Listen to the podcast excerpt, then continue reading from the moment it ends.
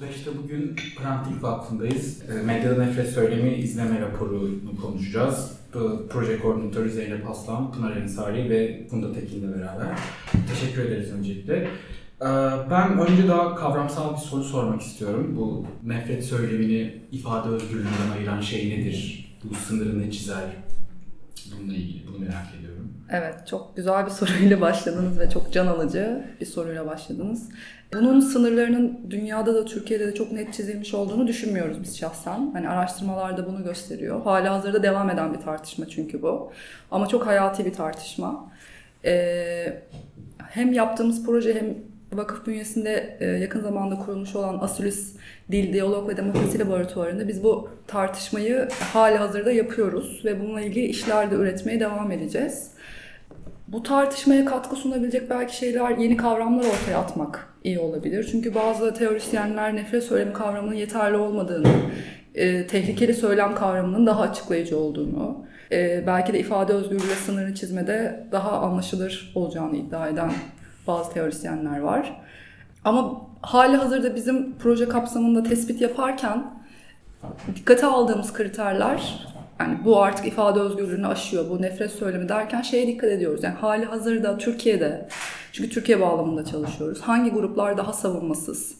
Ve siz ne dediğinizde bu ifade özgürlüğünü aşıyor ve o gruplara yönelik mevcut ön yargıyı pekiştiriyor. Ve o grupların e, şiddete karşı daha savunmasız hale gelmesine sebep oluyor. Bu bizim için önemli bir ayrıntı. Bunun dışında hali hazırda kemikleşmiş düşmanlık algısı var bazı gruplara karşı. Ee, siz o düşmanlık algısını güçlendirecek mevcut söylemleri nasıl yeniden dolaşıma sokuyorsunuz ve bunu yaparken e, ne gibi tehlikeler yaratıyorsunuz? Bu da bizim için bir kriter. E, o yüzden belki çok net bir cevap veremedim ama e, örnekler üzerinden konuşmak biraz sonra daha doğru olacaktır diye daha düşünüyorum. Kavramlar e, dikkatimi çekmişti internet sitesinde işte simgeleştirme, hedef gösterme vesaire. Bunu hani biraz daha açabilir misiniz? Bu Tabii alt, ki. E, dallarını.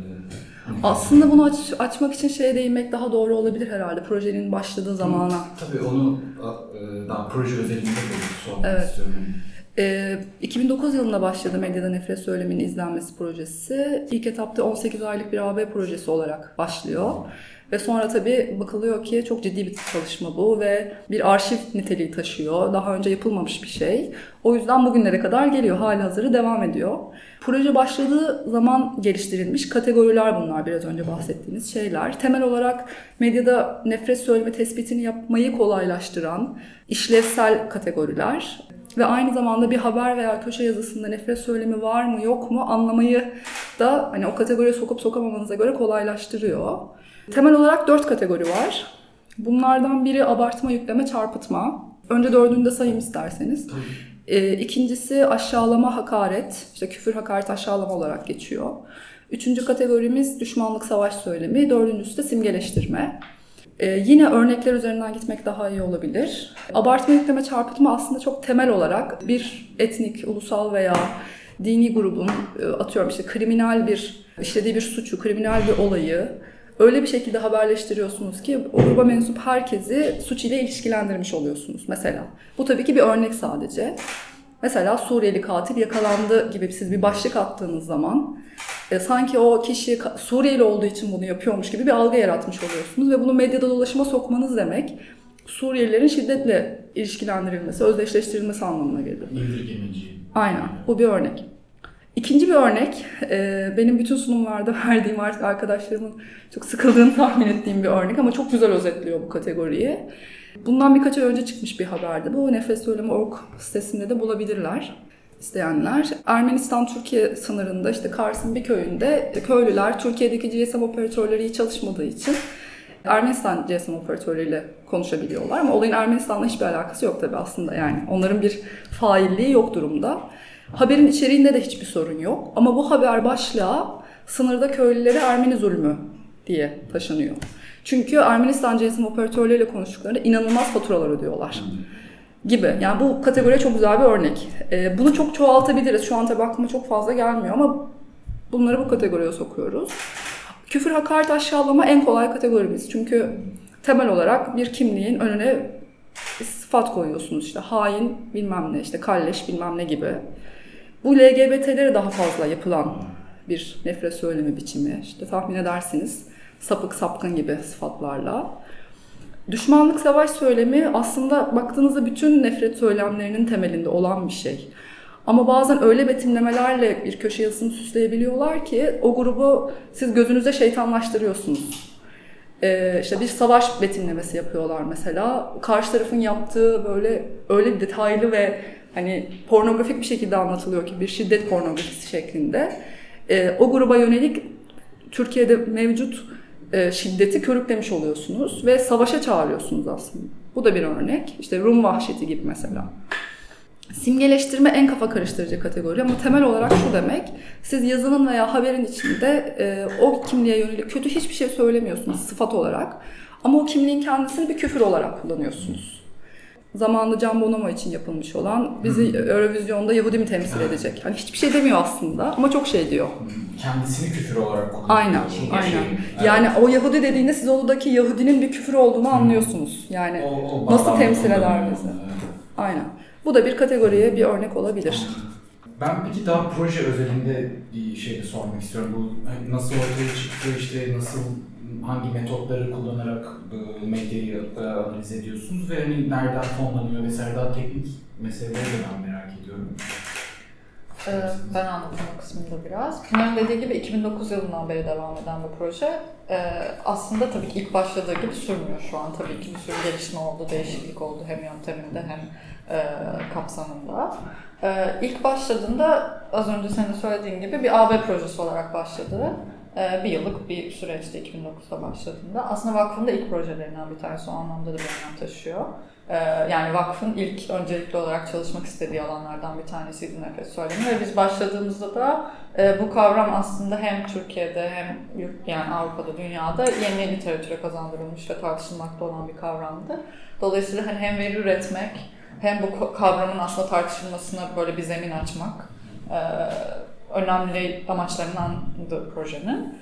Ee, ilk başladığında sadece elden taranan, işte tirajına göre belirlenmiş e, 15-16 tane ulusal gazetenin incelenmesinden söz ediyoruz yöntemsel olarak. Ee, ve tek tek bütün okunan haberler arasından e, Avrupa Konseyi'nin e, nefes söylemi tanımını kullanıyoruz. Belki elinizde varsa ilerleyen süreçte okuruz da gerekiyorsa. Ee, 1997 tarihli tavsiye kararı Avrupa Konseyi Bakanlar Komitesi'ne. Ee, o tanıma uygun olan, nefret söylemi olarak tespit edilen içerikleri 4 ayda bir de raporlamak gibi bir proje şeklinde başlıyor. Ee, ama sonrasında devam ediyor. Çünkü bir yandan şu anda bizim fark ettiğimiz aslında veri toplamanın asıl yani bir dönem yapıp bırakmak çok da bir anlam ifade etmiyor. Şu an bu projenin değeri sürdürülebilir olmasından ve aslında Türkiye medyasına dair geniş bir hani veri ve bu genel büyük resmi gösterebiliyor olması aslında daha değer kazandırıyor. Yani bir dört ay yapıp bıraksak o veri çok da bir anlamlı değil. Bu değişimi de Biraz öyle. Ee, ama metodolojisi tabii yıllar içinde birebir karşılaştırılabilir veriler üretmiyoruz. Çünkü metodolojisi de yıllar içinde gelişti.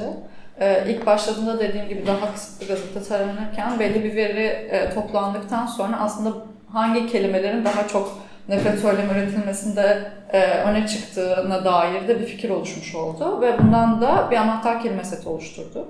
E, bu sayede de bir medya takip merkezi üzerinden daha fazla gazetenin taranmış olması, taranması mümkün oluyor. Sadece anahtar kelimelerin içinde geçtiği haberleri daha fazla gazetede okuyabiliyoruz. Ee, yani tabii ki kaçırdığımız haberler var ama daha çok hani sayısal değil niteliksel olarak da e, ortaya koyduğumuz örnekler bizce çok değerli bu projede. Ee, o yüzden hani o kaçırdığımız, okumadığımız haberler belki de e, yani çok da bir şey kaçırmış diyemeyiz. 2012 itibariyle anahtar kelimelerle yerel gazeteleri de elden taramaya dahil ettik. 2013 itibariyle de artık tamamen medya takip merkezine geçmiştik ve bütün ulusal gazeteler artı 500 kadar yerel gazete medya takip merkezinde bu yeniliğinin olduğu. Günlük olarak taranıyor. Hafta sonları hariç bu metodoloji sınırlarımızdan bir tanesi. Hafta içi e, günleri basılmış olan e, gazeteleri okuyoruz. Ve bir de vurgulamamız gereken bir şey aslında metodolojik sınırlardan bir tanesi de etnik, dini ve ulusal kimliklere yönelik olan nefret söylemleriyle sınırlandırıyoruz. Bu bizim aslında diğerlerini yok sayıyor olduğumuz anlamına gelmiyor ama tabii ki hani yapabildiğimiz kadarı bu kadarı. Sadece bu kimliklere yönelik olan. Onun dışında tabii ki tanım gereği e, yani cinsel yönelim, cinsiyet kimliği, engellilik, yaş, Yani çok fazla artırılabilir aslında bu e, kategoriler. Kadınlara yönelik. Tabii onlar da var ama biz mesela etnik, dini ve ulusal kimlikleri sistematik olarak tarıyoruz. Yanı sıra LGBTİ ve kadınla ilgili olan örnekleri de yani belli sayıda örnek çıkartıp raporda yer veriyoruz ama onlarla ilgili sistematik bir tarama yaptığımız iddiasında değiliz. Anahtar kelimelerimiz var ama her gün okumuyoruz onu. Daha çok etnik, dini ve ulusal kimlikler için her gün bir tarama yapıyoruz diyebiliriz. Anahtar kelime listesinde de e, 2015'te bir e, sefer güncelledik. 2013'ten 2015'e kadar kullandığımızı güncelledik. Çünkü bağlama bağlı olarak e, değiştirmek gerekiyor bazen. Mesela mültecilerle ilgili kelimeler daha öncesinde yoktu ama artık kaçınılmaz bir şey yani bunu e, özellikle taramak. Dolayısıyla bazı anahtar kelimeler de ekledik. E, Yani bu gündeme bağlı muhakkak değişiyor nefret söylemi üretimsi. Yani örneğin işte Kürt meselesi daha hani konuşuluyorken Kürtlere yönelik nefret söylemi artıyor. İşte Ermeni soykırımı yasa tasarıları konuşurken Ermenilere yönelik artıyor. Ama ben şeyi merak ediyorum. Ee, Bir gruba bir daimi olarak en nefret edilen grup diyebileceğimiz bir grup var mı? burada Yani bu hani Tabii ki. 2009'dan bu yana hiç değişmeyen, hep böyle en nefret edilen grup kimdir, kimlerdir mesela? Biraz önce de söylediğiniz gibi çok değişebiliyor. Gündeme bağlı olarak artış gösterebiliyor. Belki önce bununla ilgili bir iki şey söylemek iyi olabilir. Bizim bulgularımızda en çok dikkatimizi çeken şeylerden biri gündemin nefret söylemi üretimini çok etkilediği oldu. Misal her yıl başından bir hafta önce ve sonra Hristiyanlara yönelik nefret söyleminde bir fırlama oluyor. İşte kanlı Noel'i kutluyorsunuz. İşte İslam dünyasını kan gölüne çevirmek isteyen Hristiyan batının kanlı Noel'i falan. Bunları ben şu an uydurmuyorum. Böyle kalıplar var artık ezberlediğimiz. Ezbere söylüyor şu an. maalesef.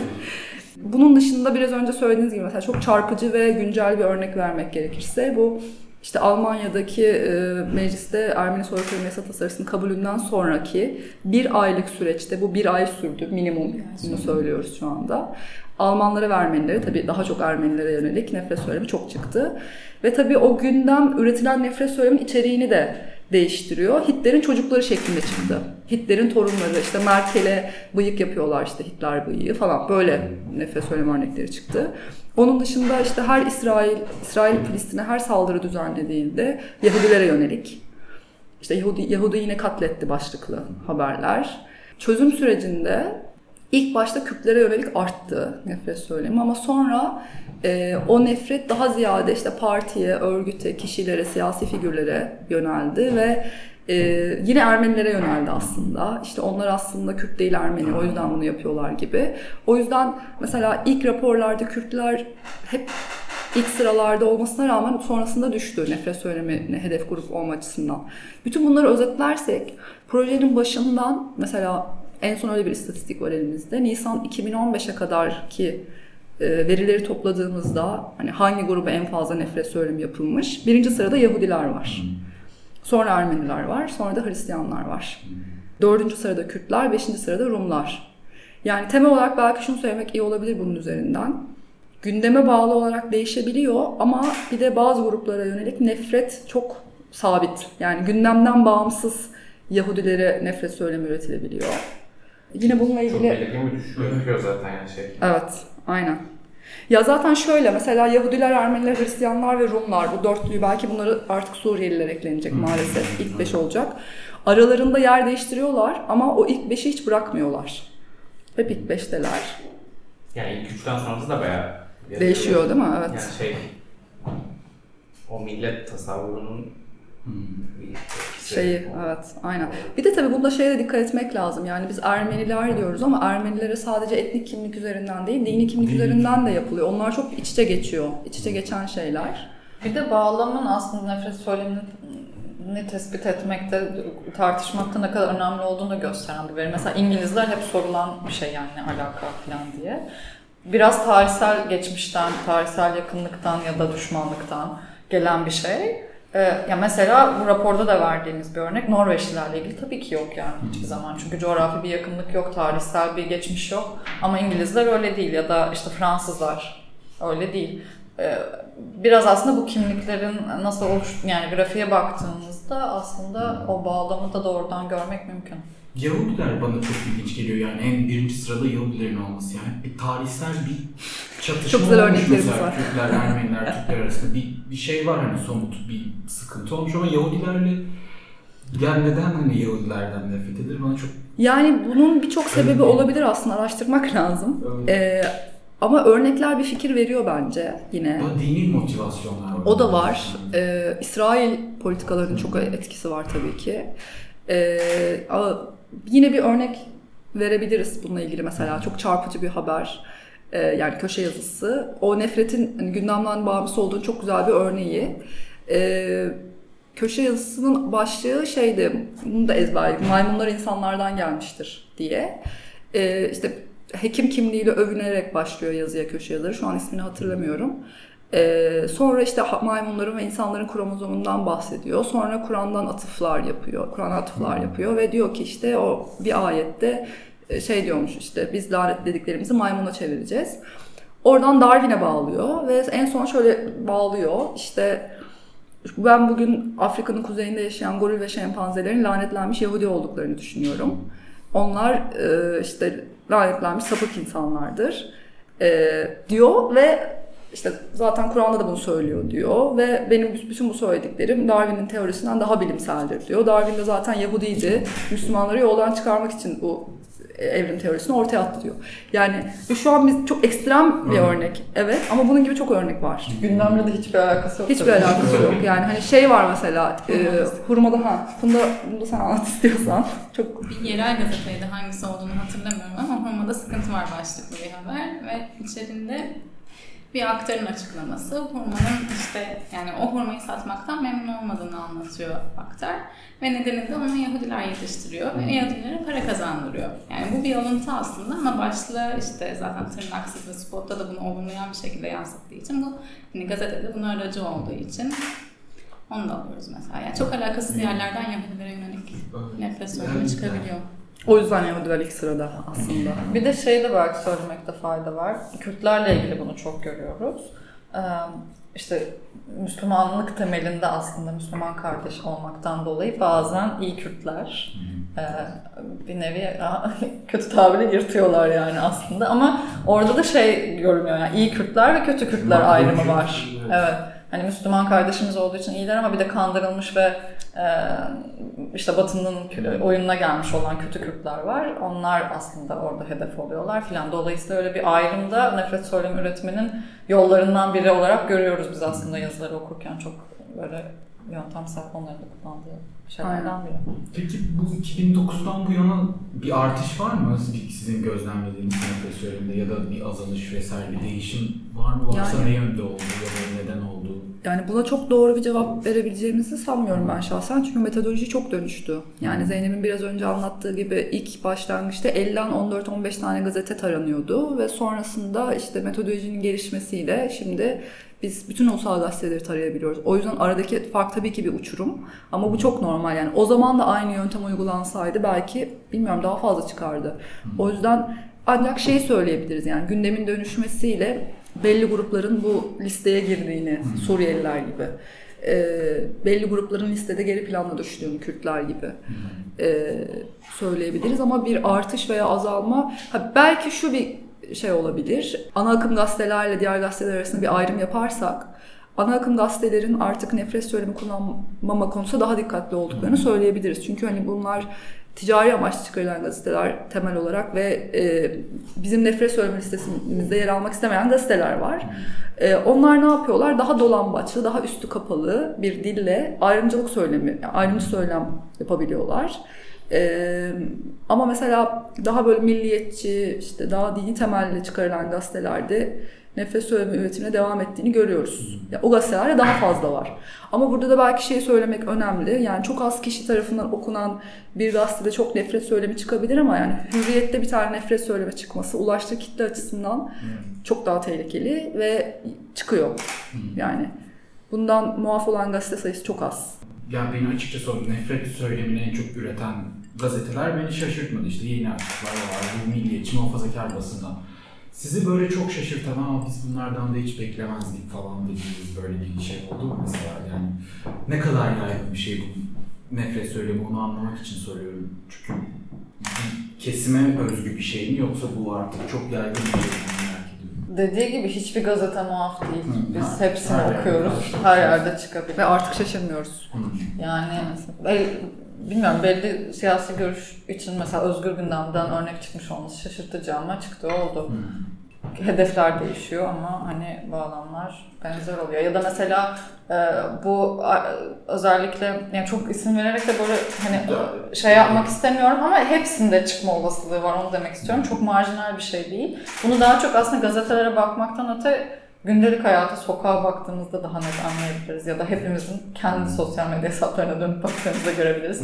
Bazen biz kaçırıyoruz ağzımızdan ve böyle birbirimizi uyarıyoruz. Çünkü bu o kadar içselleştirdiğimiz bir şey ki gerçekten hiç marjinal bir durum değil. Ee, o yüzden de e, bilmiyorum bir isim vermek belki Evet. de doğru bile değil. Bununla Her yerde var. İki şey belki iyi olabilir söylemek. Bir, e, bazen işte biz nefret söyleme orga analizleri, yani belki onu anlatmadık hani. E, Evet. bizim taramayı gönüllülerimiz yapıyor genel olarak. E, sonra biz araştırma ekibi olarak e, onların taramada tespit ettiklerinden gerçekten nefret söylemi olanları tespit edip ayıklayıp e, onlar hakkında neden nefret söylemi olduğuna dair bir analiz yazıp sonra nefret söylemi org sitesine yüklüyoruz. E, yaygınlaştırmak için de Facebook ve Twitter'a yüklüyoruz. Bunu niye söyledim? Çünkü bazen Twitter'dan şöyle tepkiler geliyor. Bunu niye aldınız ki? Bunda nefret söylemi yok. Ama o bizim için çok bariz mesela. Ee, yani bir de böyle bir şey var. Bazı insanlar fark yani o kadar yerleşmiş ki bazı kavramlar dilimize. Onda nefret söylemi olduğu Fark edilmiyor. fark edilmiyor çünkü o kadar çok kullanıyor ki nasıl ya bunda nasıl nefret söylemi olur diyebiliyorlar. Asıl korkunç olan da o zaten bence Evet. yani. Bu Onun belki farkına varın. onun hakkında dediği gibi bir nefret söylemi tanımı biliniyor artık o kadar bariz hakarete varan şeyler çok net olarak kullanılmıyor. Ama dediği gibi o daha üstü kapalı olan ayrımcılık içeren ifadeler daha tehlikeli olabilir bazı durumlarda dediğin gibi çünkü fark etmiyoruz bile. Biraz onları göstermek için aslında raporun e, ikinci bölümünde bir de dosya konuları yapmaya başladık biz 2013'ten beri. E, orada da özellikle ana akımdan gazeteler seçiyoruz ve o mesela 4 ayda bir rapor çıkıyorsa 4 aylık dönemde e, öne çıkan bir olay var diyelim. O olay üzerinden daha dar bir e, dönemi, bir haftayı birkaç tane gazetede detaylı okuyoruz. İşte anahtar kelimeleri araya sokmadan o konuyla ilgili çıkmış bütün haberleri okuyarak e, nefret söylemi değil daha detaylı ayrımcı söylem analizleri yazıyoruz. İşte bugüne kadar gezi olaylarıyla ilgili bir haftalık dönemi taradığımız bir rapor çıktı. Ee, işte Alevilerle ilgili bir e, cemevi tartışması olduğu bir dönemi taradığımız oldu. Mültecilerle ilgili Gaziantep'te birkaç tane linç olayının bir araya geldiği e, bir hafta yerel ve ulusal gazetelerde tarayıp raporlaştırdığımız dönem oldu. Ee, Yani onlar aslında daha bir fikir veriyor. Mesela onlarda e, özellikle şey de yapmaya çalıştık birkaç sefer. Farklı hedef kitlelere sahip, farklı siyasi görüşlere sahip olduğunu belirten birkaç farklı gazeteyi bir arada ele alıp aslında aynı söylem söz konusu olduğunda ya da böyle hassas gruplar söz konusu olduğunda nasıl aynı dilde buluştuklarını göstermek daha kolay oluyor bu durumda. Buna dair de o raporlarda çok fazla şey var. Yani mesela Suç. e, Evet, Suruç raporu, Suruç olduktan sonra önceki ve sonraki birkaç günün taramasını yaptığımız bir rapor. Henüz yayınlanmadı, hazırlıyoruz şu an yazıyoruz. E, onda öyleydi yani. Her e, grubun kendi e, değerleş, değer- değerli kıldığı, yücelttiği ölüleri ve değersizleştirdiği ölüleri var mesela ve kimlikler üzerinden aslında yani ölüler üzerinden, cenazeler üzerinden koca bir kavga dönüyor ve her gazete kendi görüşüne göre farklı bir ayrımcılığı, işte savaş söylemini üretebiliyor. Böyle e, daha tematik raporlarda aslında bunu görmek daha kolay hale geliyor. Ee, Bir de e, şey demiştiniz raporda işte bu bu çalışma nefret suçunu tetikleyebilecek bu tür nefret söylemlerinin ifşa edilmesine, kamuoyunda bu yönde bir duyarlılık oluşmasına başlamaktadır. Ancak bu tür söylemlerin yol açabileceği sonuçların önlenmesi daha ciddi önlemleri gerektirmekte ve bu çalışmanın sınırlarını aşmaktadır. Bu şimdi bu, e, bu, bu tür söylemlerin yol açabileceği sonuçlar derken işte mesela Hrant Dink cinayeti bu, bu tür söylemlerin yol açtığı bir sonuç ya da işte Madımak'ta olanlar vesaire. Nedir hani bunun önlemi sizce ya da hukuki bir önlem mi olabilir? Ben sizin bunu kendi fikirlerinizi soruyorum.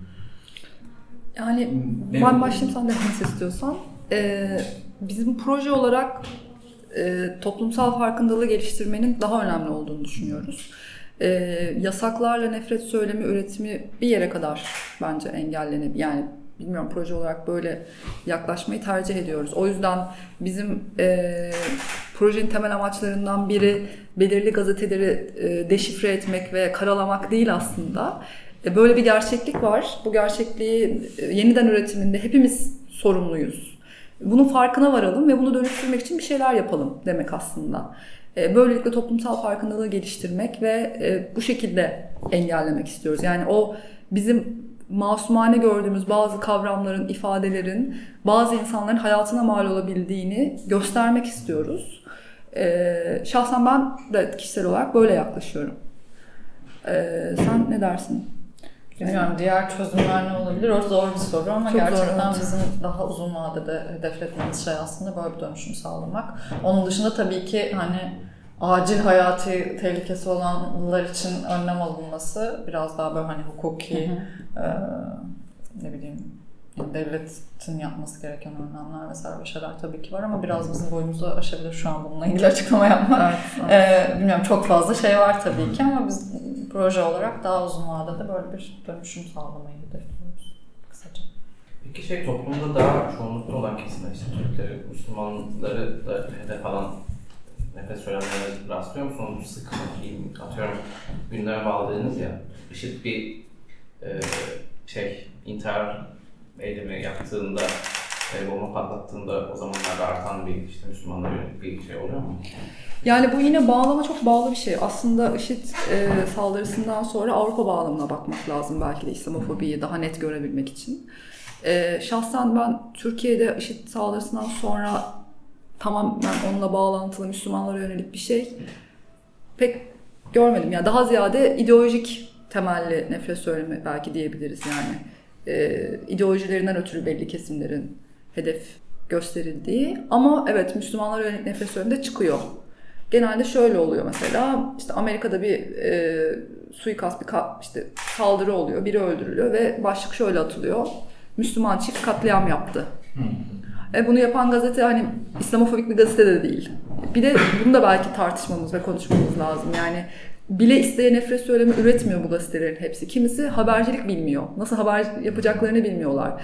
Bir siyasinin söylediği nefret söylemi içeren ifadeleri başlığa taşımanın sorumluluğunu almaları gerekiyor her şeyden önce. Ve bunu yapmıyorlar. Başlığa tırnak içine almadan taşıyorlar. Ve yeniden dolaşıma sokmuş oluyorlar aslında.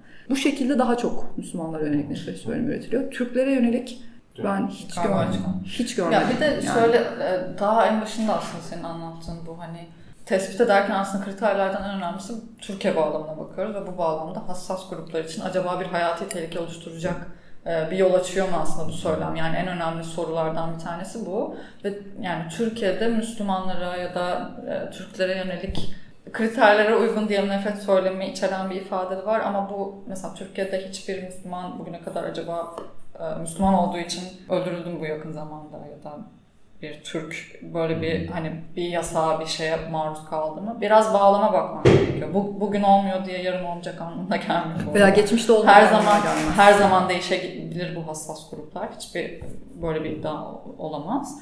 Ama biraz o bağlama bakmak gerekiyor. Yani o kadar hassas olmayan gruplar için yani Türkiye'de bir İslamofobiden bahsetmek mümkün mü? Biraz bunu akademik olarak da belki tartışmak gerekiyor yani literatürdeki şeylere bakarak. Gerçekten mümkün mü emin değilim. Belki şey söylemek gerekir. IŞİD saldırıları falan olduğunda yani Müslümanlara yönelmiyor nefret söylemi ama İslam'ın yorumlamaları, değişik yorumlamaları, yorumları eleştiriliyor. Yani orada kişiye yönelmiyor daha çok anlayışa yöneliyor. Bunlar Araplar Aynen. yüzünden. Ben- Araplar, Çok fazla evet. yapılıyor. Evet. Araplara bağlanabiliyor bazen. Onun dışında Türklere yönelik ben bir kere gördüm. Öyle mi? Evet. O da Almanya'da olan bir olaydı. Hani orada bir suçla ilişkilendirme vardı. Şimdiye kadar bir kere denk geldi. Ha, var mı verilerimizde? Bir kere var. Evet. Bir kere yani. Ya şeyler bu, bu arada bu çok gelen bir soru. Ee, hiç hani taramıyor musunuz, bakmıyor musunuz diye. O Müslümanlarla ilgili falan da anahtar kelimelerimiz var. Müslüman bir anahtar kelime yani. Evet, Hepsini Müslümanlık okuyoruz. yani kelime zaten bir anahtar kelime. Ya da mesela türban, başörtüsü, başörtüsü değil galiba ama türban ya da sıkma baş. Onlar anahtar kelime ama eskisi kadar çıkmıyor. Hı. O. Ama Yani- yine kadınlara yöneliyor Evet, yani. aslında Müslümanlara yönelik nefret söylemi Müslüman kadınlara yönelik. Evet. Süslüman. Onu da soracak. Yani bu kadınlara yönelik nefret söylemi konusunda ne, ne durumda medya mesela? Bir dokunun bin ah işitin ya da çok yaygın bir şey. seviyesinde. Ben başlayayım bence ve siz devam edin ve bu- bunu devam ettirebiliriz yani. Ee, en çarpıcı örnek belki şey olabilir. 8 Mart öncesinde ve sonrasında çıkan haberler ve köşe yazıları e, bir sürü nefret söylemi vardı. Ve 8 Mart'ta olması çok manidar ve trajikomik aslında. E, mesela bunların içeriğinde şey yani aslında önce şunu söylemek daha doğru olabilir. Bizim nefret söylemi metodolojisi e, kadına yönelik nefret söylemi tespit etmek çok doğru gelmedi bize bir noktadan sonra. Çünkü e, farklı bir yere oturuyor. Onun için ayrı bir çalışma yapmak gerekiyor. E, kadına yönelik ayrımcı söylem ve nefret söylemi çok iç içe geçen şeyler. E, önce bunu bir not düşmek lazım. E, 8 Mart'a dönecek olursak e, yazıların çoğuna şey vardı mesela. Aha yine geldi Kadınlar Günü. İşte yarın öbür günde şu günü yapacaklar, bugün yapacaklar. Yok Atatürk'ün Gaziantep'e gidiş günü falan gibi. Böyle dalga geçmek üzerinden e, işte kadına yönelik şiddet varmış sanki erkeğe yok falan gibi işte istatistiklere bakın artık daha az kadın dayak yiyormuş. Yani sanki bu çok iyi bir habermiş gibi. E, Terminoloji değişiyor o zaman. Mesela Yahudilere ya, ya bir dini gruba ya da işte etnik gruba yapılan karşı üretilen nefret söylenirse burada daha işte o zaman küçümsemeye ya da işte böyle yani daha terminoloji değişiyor ama yine bir nefret söylemi kapsamına giriyor bunlar. e, bunların bir kısmını aldık evet siteye ama alamadığımız çok fazla vardı. E, metodoloji gereği oraya e, tam oturmayan ama ayrımcı olduğu çok net olan haberler. E, bununla ilgili de mesela şu an bir kadına yönelik ayrımcı söylem dosya konusu üzerine çalışıyoruz. E, kategorilendirdik örneklerimizi, nefret söylemini alamadığımız ama bizi çok rahatsız eden. Burada mesela belki birkaç örnek şey olabilir yine. Ne zaman siz bir nasıl ki işte bir cinayet işleniyor ve fail Suriyeli olduğunda söyleniyorsa bir araba kaza yaptığında şoför kadınsa muhakkak onun kadın olduğu belirtiliyor gibi. Veya işte kadının aileye sıkıştırıldığı, e, ailedeki rolü üzerinden tanımlandığı çok fazla örnek var. İşte makbul kadın, e, mağdur kadın ama bir yandan şeytan kadın kavramların iç içe geçtiği çok fazla yazı var. Bunların bir kısmını alamıyoruz tabii ki nefret söylemi şeyini ama e, ayrıntılı analizini yapmak istiyoruz dosya konusunda. O kadar çok şey var ki kadınla ilgili ne diyebiliriz başka çıkan çarpıcı. Çok daha içselleştirmiş olduğunu vurgulamak lazım. Hepimiz için belki de tespit etmesi daha en zor olanlardan bir tanesi belki. Çünkü bazen yani hiç öyle o kadar roller tanımlanmıyor vesaire ama yani o kadar orada bahsedilen şey o kadar cinsiyetçi ki temelde söylemiş- tespiti daha zor. Yani bir de hani tanıma baktığımızda nefret söylemi için hani doğrudan kimliğe hakaret eden, kimliği hedef gösteren, onu düşmanlaştıran e, ifadeler için nefret söylemi diyoruz. Yani bizim kullandığımız tanım bunu söylüyor ama hiçbir zaman kadın şöyledir, kadınlar böyle yani o kadar net olan çok nadiren çıkıyor yani. Dolayısıyla mesela Ermenilere olanla kadın olanı yan yana saymak mümkün değil. Daha böyle hatta içselleştirilmiş daha iyi mesela diğer kimliklere hakaret ederken aslında kadın e, na atfedilen özelliklerin ona atfedilmesi yoluyla falan böyle daha karmaşıklaşıyor falan. Ve işte yine belli yazarlar bu konuda çok şey, uzmanlık alanları o ve kadına yönelik nefret söylemi üretmek üzerinden isim vermeyeyim şimdi ama çok çirkin laflar üzerinden yani. Hani bunu sadece bir tipteki kadına da yapmıyorlar. Hani atıyorum kendilerince bir Müslüman kadın tabiri de var, şey de var, normu da var. Onun içine girmeyen kadınları da ötekileştiriyorlar. Ee, birazcık da aslında tartışma oradan çıktı. Yani Müslümanlara var nefret söylemi, Müslüman kadınlara daha fazla var ama. Ee, ve bunu çok iki, yani iki farklı kutuptaki gazeteler yapabiliyor. Ee, ikisinin de kafasında bir standart Müslüman kadın var ve onun ondan sapan kadınlar aslında e, iki tarafta Süslüman diyor mesela. Bunu muhafazakar olan da yapıyor, kendini layık olarak sunan da yapıyor. Ve bir makbul kadın, makbul Kürt, makbul işte Arap şey var hep o zaman bir makbul Aynen, aynen. var böyle. E, Bir de şey var belki onu söylemek. Kadınlarla ilgili böyle köşeler var. Bir uzmanlık alanı da o. Bir tane e, sayfa hazırlayan bir kişi her sa- sa- say- sayısında işte böyle atasözleri yazıyor. Yani bundan kazanıyor hayatını. Kadınlar üzerine atasözleri derleyip derleyerek, işte fıkralar yazarak, e, işte anekdotlar yazarak Aslında ve iki kişi var öyle. İki kişi değil mi? İki kişi var. Aynı şey erkekler için de yapıyor. Yani erkekler için de belli bir kalıp var kafasında ve onları işte yani Pınar'ın dediği gibi atasözlerine döküyor. evet, erkek şöyledir, kadın böyledir. Bu standart şey işte yani. Bu simgeleştirme Kalıp yargılar. giriyor o zaman herhalde öyle mi oluyor yoksa? Değişiyor tabii. Örnek görmek lazım. Örnek Evet. üzerine evet, bazen giriyor bazen girmiyor.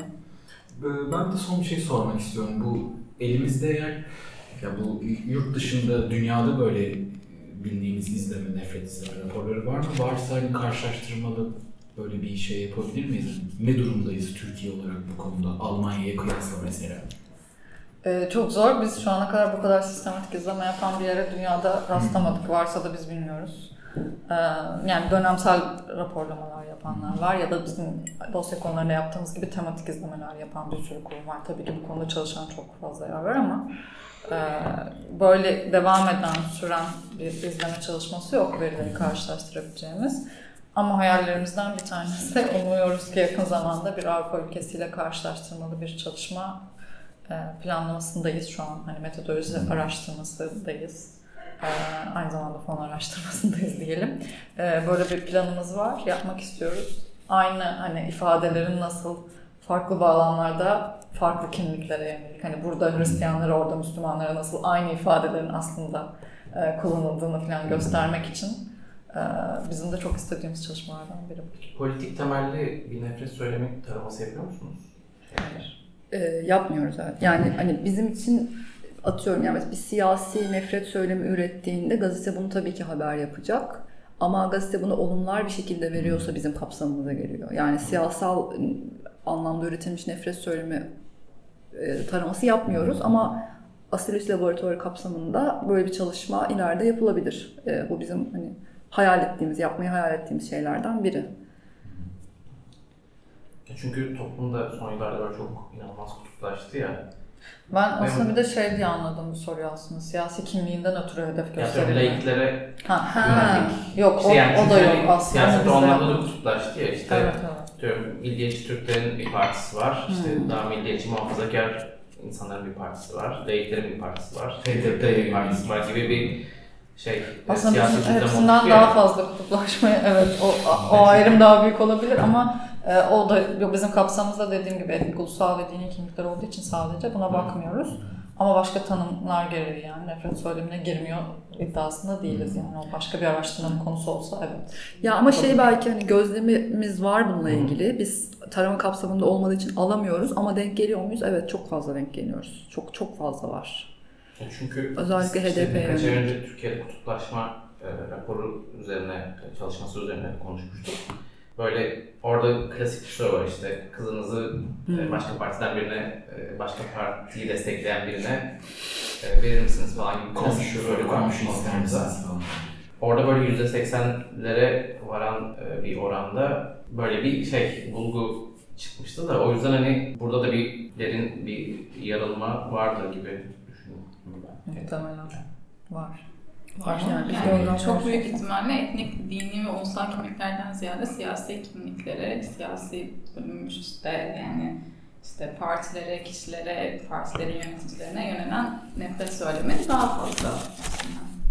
Evet gibi yani görünüyor yani okumalar, okumaları, taramaları yaparken yani gözlemlediğimiz ve bir şekilde projeye dahil edemediğimiz bir sürü haber. Bunda da yine örnek verelim. Ee, özellikle HDP tabii ki çok fazla ve HDP e, liderlerine. Ama onda da mesela kadına yönelik olan çok daha aşağılayıcı. Yani e, işte Figen Yüksekdağ'la ilgili bir haber yapılırken hep işte Figen hani haberde. Hiçbir zaman soy ismi geçmiyor. Ee, arkadaşıymış gibi işte Figen şunu yaptı, Figen bunu yaptı diye veriyorlar. Ee, ve inanılmaz bir saldırı var yani. Öyle böyle değil. Bayağı bir hedef gösteriliyorlar. Diğer partiler için de bu kadın meselesinde benzer bir şey söyleyebiliriz aslında yani. Evet. HDP'le sınırlı. Değil tabii ki. Aynen. Çok çarpıcı olduğu için bu örneği vermek doğru yani. Benim sorum sorum. Bu kadar sizin eklemek istediğiniz bir şey var mı? Aslında var. Ee, belki şunu söylemek iyi olur. Biz yani o en son Ocak Nisan 2015 raporunu hazırladık. Ondan sonraki raporlarımız yok. Yani bunu belki da buraya not düşmek iyi olabilir. O döneme dair bütünlüklü bir veri yok elimizde. Bunun da aslında en önemli sebebi e, taramanın metodolojisi nasıl yapıyoruz? Bizim taramalarımız gönüllüler yapıyor aslında temel olarak. E, çok ciddi bir insan kaynağı gerektiren bir şey bu. E, Yani aslında ekip yapıyor tabii ki ama yetişemediğimiz noktada gönüllülerin emeği çok önemli bizim çok çok için. önemli. Evet. Biz yetişemediğimiz noktada onların katkısı olmasa aslında bu tarama bu kadar sürdürülebilir olmazdı bugüne kadar. Bu nedenle de aslında daha fazla gönüllüye ihtiyacımız var günceli yakalamak için. Çünkü bizim projedeki esas amacımız aslında güncele dokunmak. Ee, bir olay olduğunda ve bununla ilgili bir nefret söylemi üretildiğinde anında ona tepki verebilmek ve bir kamuoyu yaratabilmek aslında. Toplumsal farkındalığı güçlendirmek istiyorsak öncelikle bunu yapmamız lazım. Belki de bunu söylemek iyi olur şu aşamada. Bu rapor daha da devam edecek o zaman değil mi? Tabii ki. İnşallah. İlgilenir. Teşekkür ederiz o zaman. Sağ olun. Biz teşekkür ederiz. çok teşekkür ederiz geldiğiniz için.